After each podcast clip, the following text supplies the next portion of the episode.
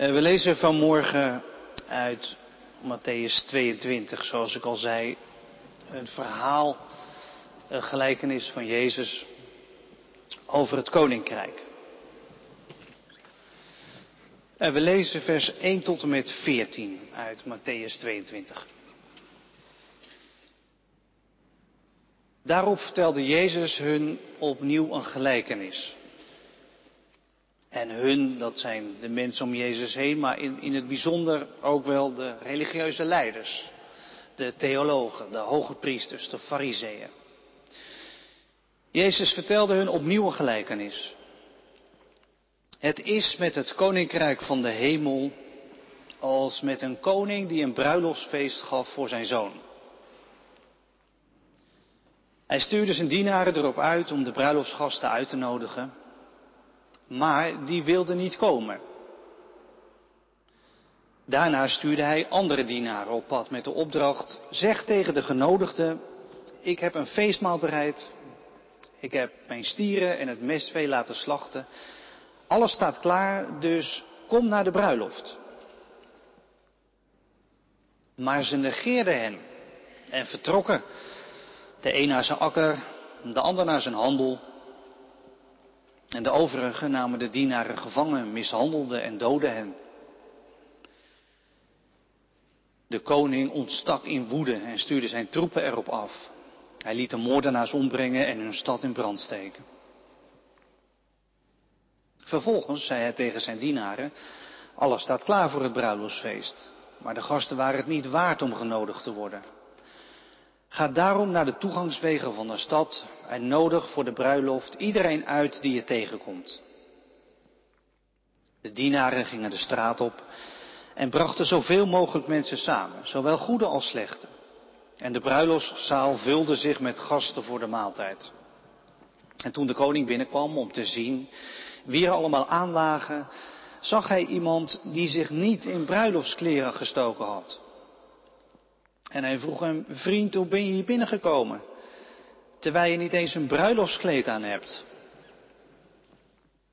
De man wist niets te zeggen. Daarop zei de koning tegen zijn hofdienaars, bind zijn handen en voeten vast en gooi hem eruit. In de uiterste duisternis waar men jammert en, tars en knarse tand. Velen zijn geroepen, maar slechts weinigen uitverkoren. De gemeente van Jezus Christus, vanmorgen dus een verhaal van Jezus over een bruiloft, over gasten, over een man met verkeerde kleren. Eh, in Delshaven hebben we een hele serie met deze gelijkenissen uit Matthäus, gelijkenissen over het koninkrijk. Het zijn over het algemeen tamelijk uh, verontrustende verhalen, uh, vind ik. Dus ja, misschien niet echt vakantielezing, maar goed, vakantie is ook wel weer een beetje voorbij. Dus misschien is het ook wel weer goed om rechtop te gaan zitten. Ehm, dit verhaal is in elk geval bedoeld om je rechtop te laten zitten. Een verhaal waar een waarschuwing in zit. Alleen is er wel één probleem eh, dat ervoor kan zorgen dat je deze gelijkenis eigenlijk helemaal niet binnenstapt, maar dat je bij voorbaat al eh, op de drempel blijft staan en denkt, ja, dit, eh, dit heeft geen zin. Eh, die drempel is de laatste zin van de schriftlezing. Misschien dat die er voor jou ook wel uitsprong of dat je hem wel even goed hoorde. Hè, de zin, nadat die man eruit is gegooid in de buitenste duisternis, de zin, velen zijn geroepen, maar slechts weinigen uitverkoren. En dat is de slotzin van dit gedeelte. Het is niet zo duidelijk van wie die zin nou is, of de koning in het verhaal die zin nog uitspreekt, of dat Jezus het verhaal hiermee afsluit, of dat de schrijver van uh, dit Bijbelboek uh, een conclusie trekt met die zin. Maar in elk geval staat die zin er. En misschien als je, net als ik, bent opgegroeid in een reformatorische traditie, eh, prachtige traditie overigens, eh, misschien als je daar bent opgegroeid, eh, dat je bij dat zinnetje, velen zijn geroepen, maar eh, weinigen zijn uitverkoren, direct moet denken aan een hele massieve uitverkiezingsleer. Een uitverkiezingsleer als een soort noodlot, zal ik maar zeggen. dus dat God mensen uitkiest, maar ook mensen bijvoorbeeld al afwijst, wegdoet, verwerpt. En dat heeft God al besloten ver voor je geboorte. Dus als mens ben je uitgekozen of niet uitgekozen. En ja, daar valt niet zoveel aan te doen, dat staat allemaal al vast. En je kunt alleen maar afwachten en dan zul je het wel merken. Of je bij de uitgekozenen hoort of bij de niet uitgekozenen. Eh, als je met dat in je achterhoofd dat verhaal van Jezus leest, eh, ja, dan, dan is die gelijkenis van Jezus eigenlijk helemaal overbodig. En Jezus vertelt zijn gelijkenis om mensen te waarschuwen, maar je gaat alleen maar mensen waarschuwen als het nog zin heeft. Als het geen zin heeft om mensen te waarschuwen, dan hoef je het ook niet te doen. Dus als het toch allemaal al vast ligt, wie wel en wie niet, ja, dan kun je zo'n verhaal van Jezus hoogstens nog horen als een soort mededeling. Hè. Je bent uitgekozen of niet en je merkt het wel. Alsof God een soort Russisch roulette met ons speelt. Hij weet waar de kogel zit, jij niet. Maar goed, je zult het wel merken. Eh, dat is overigens niet hoe de reformatorische traditie die uitverkiezingsleer heeft bedoeld. Ook de opstellers van de Dordtse leerregels, even voor de fijnproevers, die hebben dat ook niet zo bedoeld. Maar wat nog belangrijker is, nou, deze zin aan het eind van Jezus' verhaal moet je zo ook niet lezen. Die zin is daar ook helemaal niet zo bedoeld op die manier. Uh, is er in de Bijbel dan niet iets zoals uitverkiezing? Uh, ja, zeker.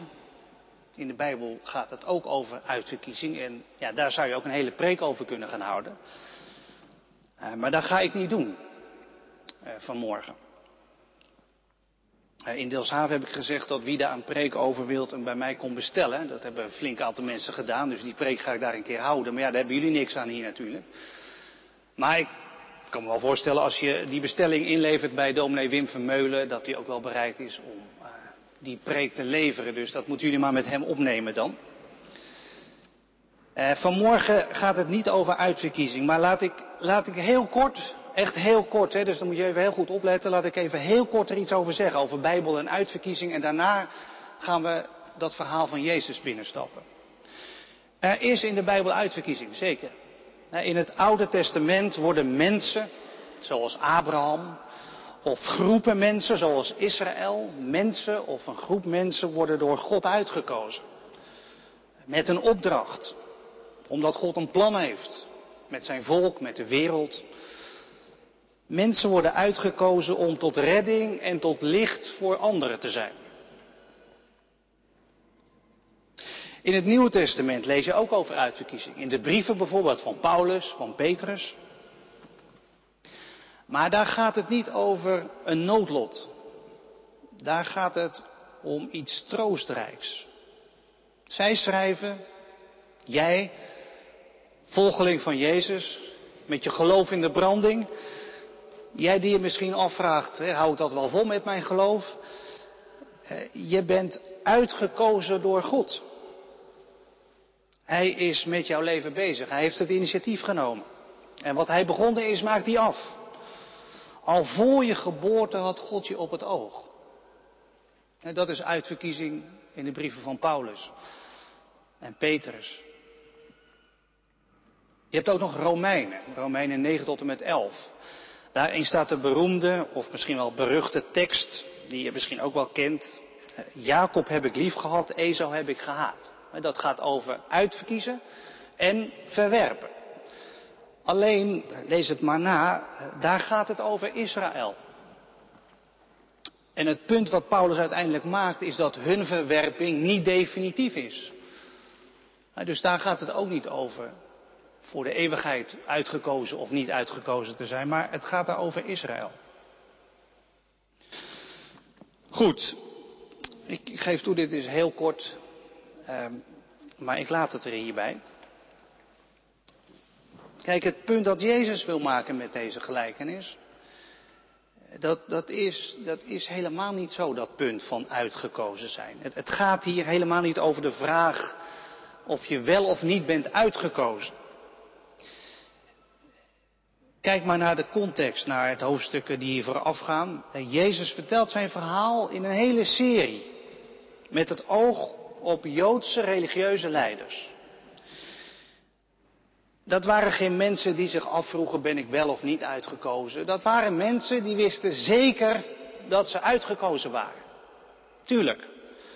Natuurlijk zijn wij uitgekozen. Wij zijn de chosen. De uitverkorenen. Want wij zijn kinderen van Abraham.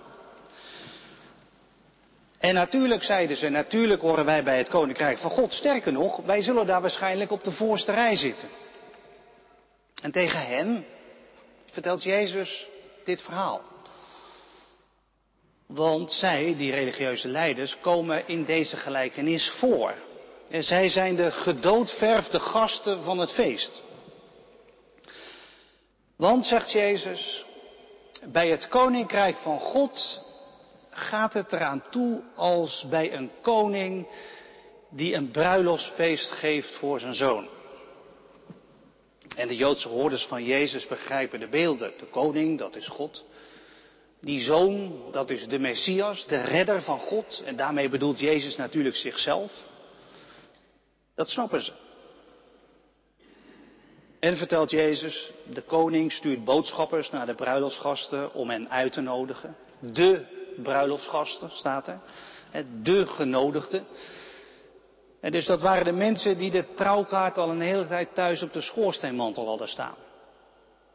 Ze waren al uitgenodigd. De genodigden, dat zijn de mensen die natuurlijk vanzelfsprekend op dit feest werden verwacht. Eh, wij zouden dat de daggasten noemen.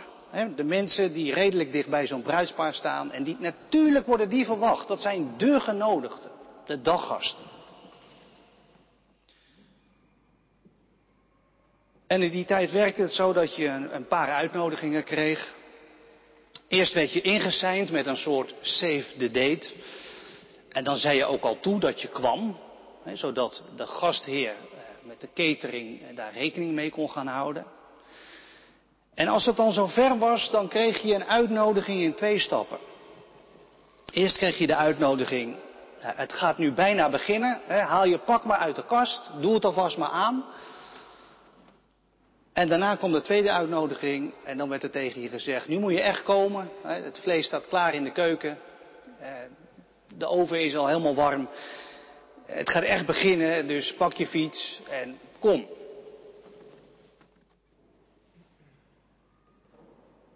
Maar de daggasten, die willen niet. Dat is natuurlijk een hele rare ontwikkeling in het verhaal van Jezus. Ik bedoel, dat, dat komt natuurlijk nooit voor. Een daggast die zo intiem is met zo'n bruidspaar, die, die zegt niet s morgens vroeg, jongens, ik heb geen zin meer. Ja, misschien als je hartstikke ziek bent of zo, maar daggasten die niet komen, ongelooflijk. Ze negeren de uitnodigers.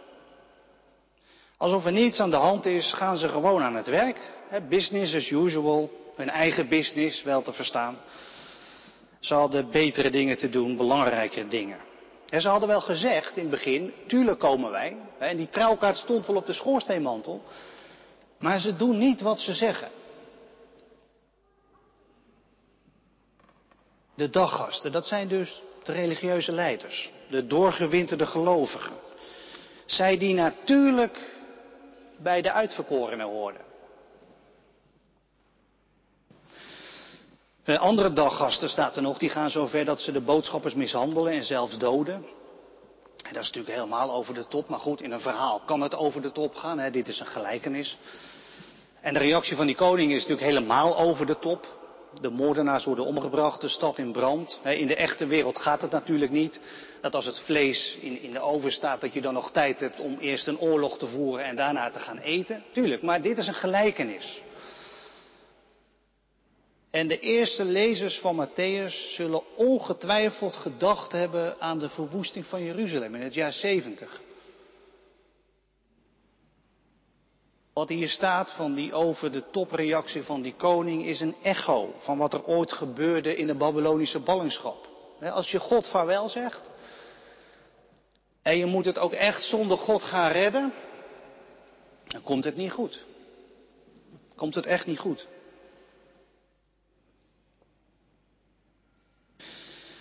Een waarschuwing voor daggasten.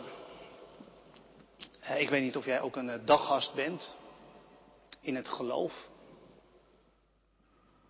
Een doorgewinterde gelovige die, die echt wel bij God hoort en bij Jezus. omdat je je hele leven al gelooft misschien. Nou ja, als jij daggast bent en de uitnodiging van het Koninkrijk van God al je hele leven op de schoorsteenmantel hebt staan. En als je ja gezegd hebt, ja, ik, ik, uh, ik wil komen. Nou ja, dan ben je te feliciteren natuurlijk. Gefeliciteerd. Ik bedoel, wat is er beter dan daggasten zijn van het feest van God dat komt? En, en beter dan, dan dat je ja gezegd hebt om te willen komen. Geweldig. Maar zegt Jezus tegen je vanmorgen, eh, doe wat je zegt. Je hebt ja gezegd tegen die uitnodiging. En dan hoor je bij Jezus. En als je bij Jezus hoort, dan is het dus niet meer business as usual. Het is nooit meer business as usual. Nee, je hoort nu bij de beweging die de God aan het maken is in deze wereld. Hè, om hier zijn toekomst te stichten. En het kwaad te verdrijven. Het gaat voortaan bij jou om Gods business. En dat is een spannende zaak. Dat plan van God voor deze wereld. Waarbij het soms hard tegen hard gaat, want het kwaad zit diep in de wereld. En het kwaad zit ook diep bij mij en bij jou. God heeft er een harde dobber aan. Ook aan jou en mij. Vandaar ook zo'n verhaal hè, met die oproep: leef op weg naar het koninkrijk. In, wat je doet en laat, leef met Jezus. Want wat God van plan is, hè, zijn zaak, dat gaat jou toch ook aan het hart. Dat God haat en egoïsme wil verslaan, bijvoorbeeld. Ja, dat, dat vraagt natuurlijk iets van jou en mij. Van onze omgang met, met ons eigen egoïsme. Of onze eigen dunk. Of ons eergevoel, of weet ik waar jij mee te kampen hebt. Dat God ziekte en dood wil verslaan. Dat, dat is toch ook iets wat je aan het denken zet? Een uitnodiging om anders naar deze wereld te kijken? Anders naar je eigen ziekte, je eigen dood, je eigen sterfelijkheid. Hoop, om hoop te hebben. En misschien wel bibberend van binnen en een al twijfelende woord natuurlijk. Maar wel met hoop. Om, omdat er een zaak is van God, het koninkrijk, waar je een daggast van bent. Dus leef op weg naar het koninkrijk, want het feest gaat beginnen. En wat is het dommer dan een daggast die het feest negeert en zo het feest misloopt? In het verhaal van Jezus willen de daggasten niet komen. De uitverkorenen blijken geen uitverkorenen te willen zijn.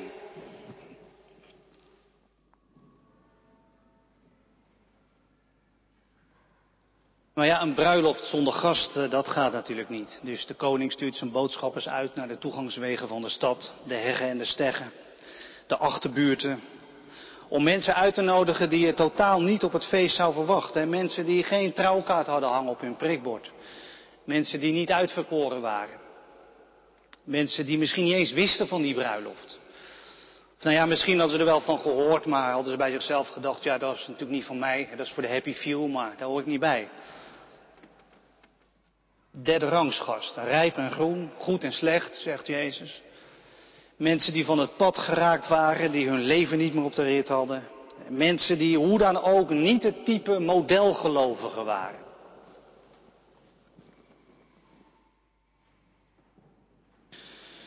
Het kan natuurlijk dat, dat jij zo iemand bent.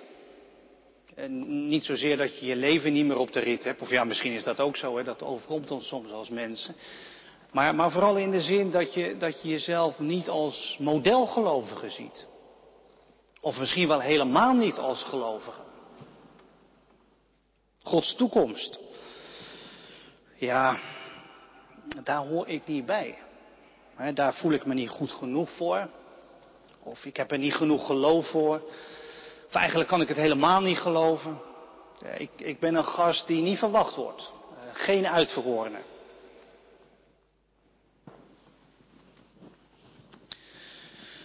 De koning stuurt jou vandaag dus een uitnodiging. Ga mee. Er komt een feest aan dat je niet zou willen missen. En er wordt ook gerekend op jou. Iedereen is welkom. Ja, dat is natuurlijk geweldig. Je bent welkom bij God. Jij ook. Wie je ook bent, waar je ook vandaan komt, wat voor opleiding je ook hebt, wat voor achtergrond, hoe je ook in elkaar zit. Of je je leven nou wel op de rit hebt of niet, welkom, zegt Jezus. Welkom op het feest. Iedereen is welkom. In het Evangelie van Lucas, waar ook een versie van dit verhaal wordt verteld, stopt het hier. En dat was ook wel zo fijn geweest als, als dat bij Matthäus ook zo was. Maar dit is een prachtig eind. Iedereen is welkom. je mag komen zoals je bent. Maar ja, bij Matthäus eh, vertelt Jezus nog iets verder. Er was een man op het feest gekomen eh, die geen bruiloftskleren aan had. Maar de koning vraagt, beste man, hoe heb je hier kunnen komen? hoe, hoe, hoe, kon je het, kon je bedenken om hier zonder bruiloftskleren eh, binnen te stappen? En die man staat met een mond vol tanden, die heeft niks te zeggen. En dan wordt die man eruit gegooid.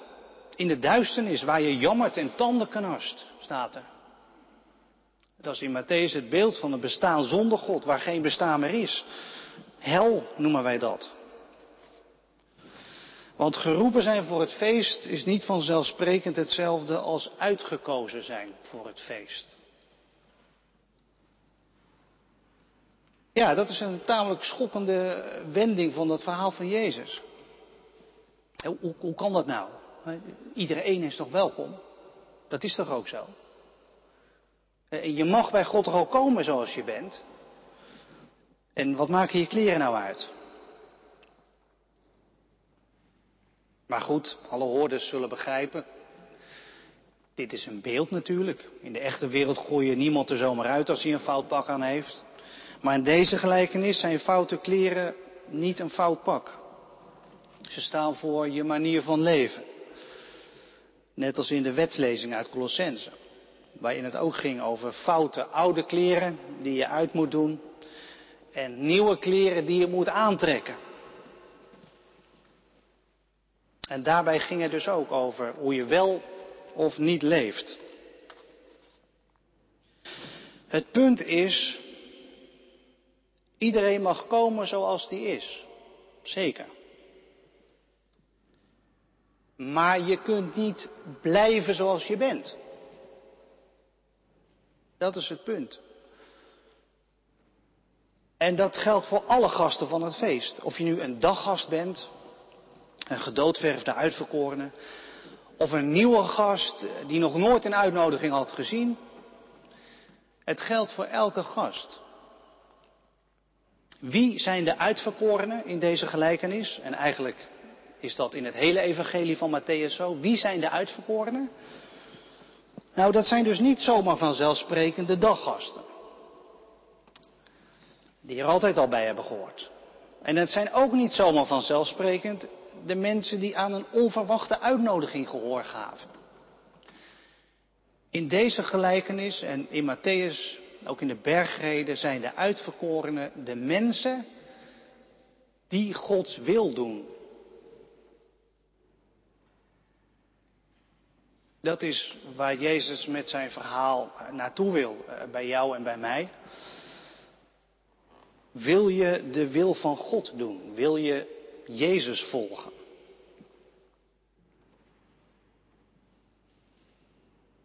Eh, ik begrijp dat jullie volgende week eh, avondmaal gaan vieren. Misschien is dat ook wel een vraag. Wil ik Jezus volgen om komende week eens even een paar keer bij jezelf binnen te laten komen? Tuurlijk, misschien ben je kerkganger en ben je helemaal into het geloof, maar vraag het jezelf nog maar eens af. Wil ik Jezus eigenlijk echt volgen? En ja, avondmaal vieren is een ja. En als jij iemand bent die denkt, ja, ik wil het wel, maar het lukt me heel vaak niet.